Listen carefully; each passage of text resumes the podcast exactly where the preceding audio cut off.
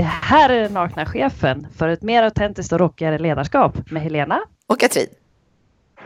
Idag handlar det om medelmåttans renässans. Ja, det var ett uttryck som både du och jag, Helena, tände till på. Vad är det för någonting? Ja, och det här precis. uttrycket, det, det, kommer från fantastiska Karin Sandin som är med oss idag. Livsstilsutmanaren Karin. Karin. Ja, ja, här är jag. Ja, alltså det är det här uttrycket och när vi, vi pratade lite om det innan och, och det är rätt, jag tycker om perspektiv. Eh, och medelmåttans renässans för mig, det är att vi alla, alltså det är fantastiskt att få leva just nu och vi alla har så otroligt mycket potential, vi medelmåttor, som kanske inte har en position, som kanske inte är chef, som kanske inte är ledare. Eh, men jag tänker att den här potentialen som vi har, som vi aldrig använder, jag tror att den kommer att komma till nytta nu och att det är det här som kommer att blomma. Det här, vi har så mycket kraft och så mycket bra kraft. Eh, så det är medelmåttans renässans för mig. Att jag som inte har gått på universitetet, jag som har gått livets skola, nu har jag chans att få komma ut och göra det jag är riktigt bra på i alla sammanhang. Så här tror jag det finns en oändlig möjlighet och potential och kraft. Mm. Vad tycker ni? Jag tror att du har otroligt rätt, för om man tänker på temat att vi är människor främst och vi är eh, vår roll i yrkeslivet som en del av det, så undrar man ju hur mycket lever vi vår roll och hur mycket utnyttjar vi faktiskt att vi alla egentligen på ett plan är medelmåttor, de allra flesta av oss i alla fall. Ja, det, mm. det är där jag går igång. Jag, jag får någonstans en parallell till nördar som ju har det får man väl säga att nördarna har haft en renässans, bara det uttrycket. Och, och, ja. och, och, i det så ingår på något sätt att släppa fram nörden i mig. Jag är ju supernördig på en del grejer och det undrar jag om mm. inte de allra flesta av oss är. Så det associerar mm. jag när du säger medelmåttans renässans. På något sätt släpp fram din inre medelmåtta. Jag måste inte vara någonting som som andra, någon som andra tittar på och ser upp till hela tiden. Det går inte ens. Jag måste inte vara den där eh, den där, alltså ställa de kraven på mig själv. De går ändå inte att leva upp till. Utan jag, jag får vara helt vanlig också, en medelmåtta. Och det är någonting fantastiskt. Ja. Och jag ser det som att tänka att jag som medelmåtta kan få vara någon som någon tittar upp till och ser upp till och tycker är fantastisk. Även fast jag bara är en medelmåtta. Just. Så det är så, det är så spännande att se de här perspektiven. Eh, jag, jag, jag, tror att många sitter fast i att jag kan bara det här. Eh, nej, men jag kan nog inte säga så mycket om det här för jag, är, jag kan ju bara det här. Och då är det en sån liten del av det vi egentligen har utforskat. Vi kanske är jättebra på det. Eh, men tänk alla de här mellanrummen mellan det här vi är bra på. Eh, som vi aldrig ens har lagt fokus på. Eh, där tycker jag det blir så otroligt spännande. Jag var fotbollsnörd för kanske tio år sedan. Jag såg alla matcher, VM, EM, jag kunde allting. Jag masserade fotbollslag. Nu sista tiden vet jag ingenting om fotboll. Jag lägger inte fokus på det. Jag lägger fokus på någonting annat. Och, och tänk om det är så här att det vi lägger fokus på, det expanderar och det växer. Och då, mm. för mig då som, som medelmåtta tänker jag, Wow, vad är det nu som är spännande? Vad vill jag lägga fokus på nu? Och då i den här tiden vi lever i, då kan jag få säga, jag kan få vara med i den här podden även fast inte jag har några universitetsexamenspoäng. Utan mm. jag kan få säga det jag tror och tycker. Det är medelmåttans renässans för mig. Och här tycker jag energin och kraften finns. Så vi är mitt i den alltså? Ja! Ren renässansen, medelmåttans renässans. Men det är lite spännande det här med nördigheten i förhållande. För tänk om det är så att vi egentligen bara alla har vi ju områden där vi verkligen är medelmåttor. Mm. Så, så det här med hur vi lägger energin som du var inne på. Var fokuserar vi? Var är vår energi? Var, var i ligger vår nördighet? Det kanske är någonting häftigt att ta fram och titta på för alla vi medelmåttor har kanske något sånt specialområde. Och då går jag igång på en grej och nu, förlåt, eh, nu jag tänker jag in i, i, i, typiska chefsjobbet här. Hur vi har tränat oss att sitta med människor i utvecklingssamtal och, och, och medarbetssamtal och vad vi nu kallar det Och så ska vi göra den där listan, även anställningsintervjuer. Vad är liksom dina, man får inte säga dåliga sidor nu, fast vi menar egentligen det vi kallar det för utvecklingspotential eller något annat mm. fint ord. Och så ska man sitta och traggla igenom alla sina tillkortakommanden och fundera på hur man gör dem bättre. Och det är så tråkigt. Ja. Därför att jag tror, alltså man kan väl ha någon slags koll på det där. Det är väl schysst om jag vet vad jag tycker är mindre kul eller vad jag inte är briljant någonstans. Men svaret på det är ju inte att jag ska traggla med dem. Jag ska ju se till att koppla ihop mig med andra människor som är briljant på det jag inte är briljant på. Ja, och då kan jag det... få vara en medelmåtta. Så kan man också använda medelmåttan, eller ja. hur?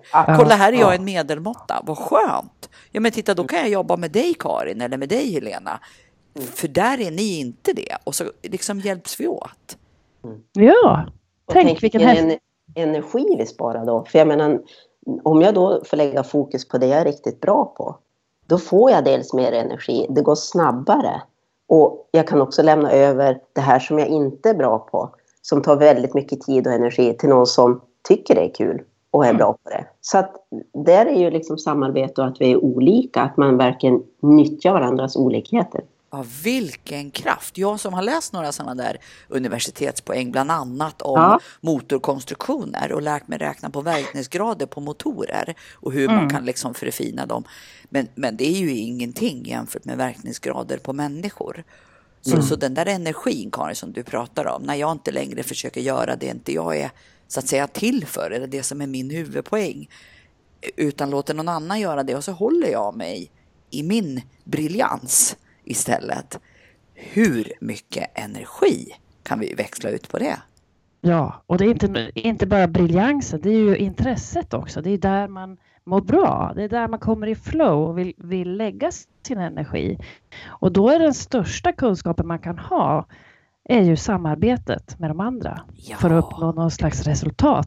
Det måste ju bli det viktigaste ihop med sin egen briljans, sin egen nördighet. På, det där är vackert. Den största mm. kunskap man kan ha i samarbetet, den gillar jag. Mm. Quote of the day. Mm. Ja. Och, och, och, tar man det liksom lite, lite längre så kan den här också få börja att hur livet ser ut. Alltså kanske när man har småbarn eller jättemycket så kanske man kan få ha lite Lite mindre saker man ska vara riktigt bra på. Eller också vill man ha några stycken som man får verkligen göra som man är bra på så att, så att den här energin, jag får ta med mig den. Eh, för det tror jag också att det är på det här början igen, att det här måste få börja genom livet. Du Karin, du, du pratar om mellanrummen. Det, det låter jättespännande. Det är något slags outforskat som ligger däremellan. Och vad, är, vad är mellanrummen? Ja, mellan, mellanrummen, ja det är outforskat. om jag tar en metafor tänker jag som när man, när man tränar, eller jag har tränat mycket på att springa och, och så jag var gympaledare, jag har gjort samma rörelser.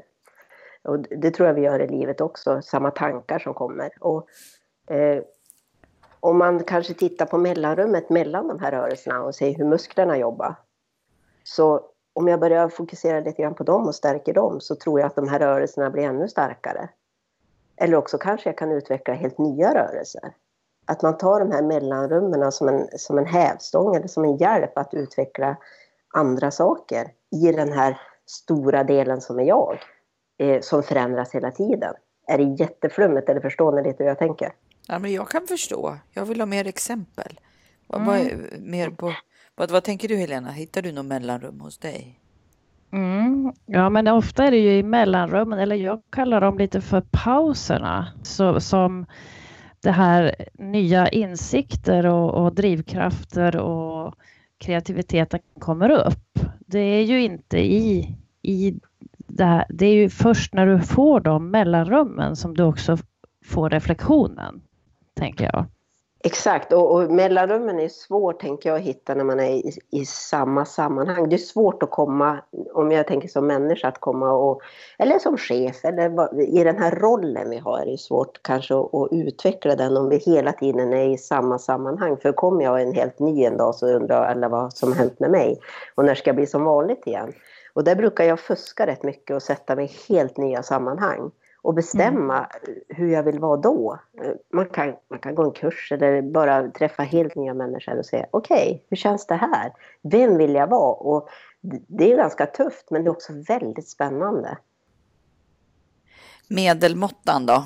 Om man, man vill vara med i den där medelmåttans renässans, vad, vad ska jag göra då? Vad är tipset, Karin? Tio tips.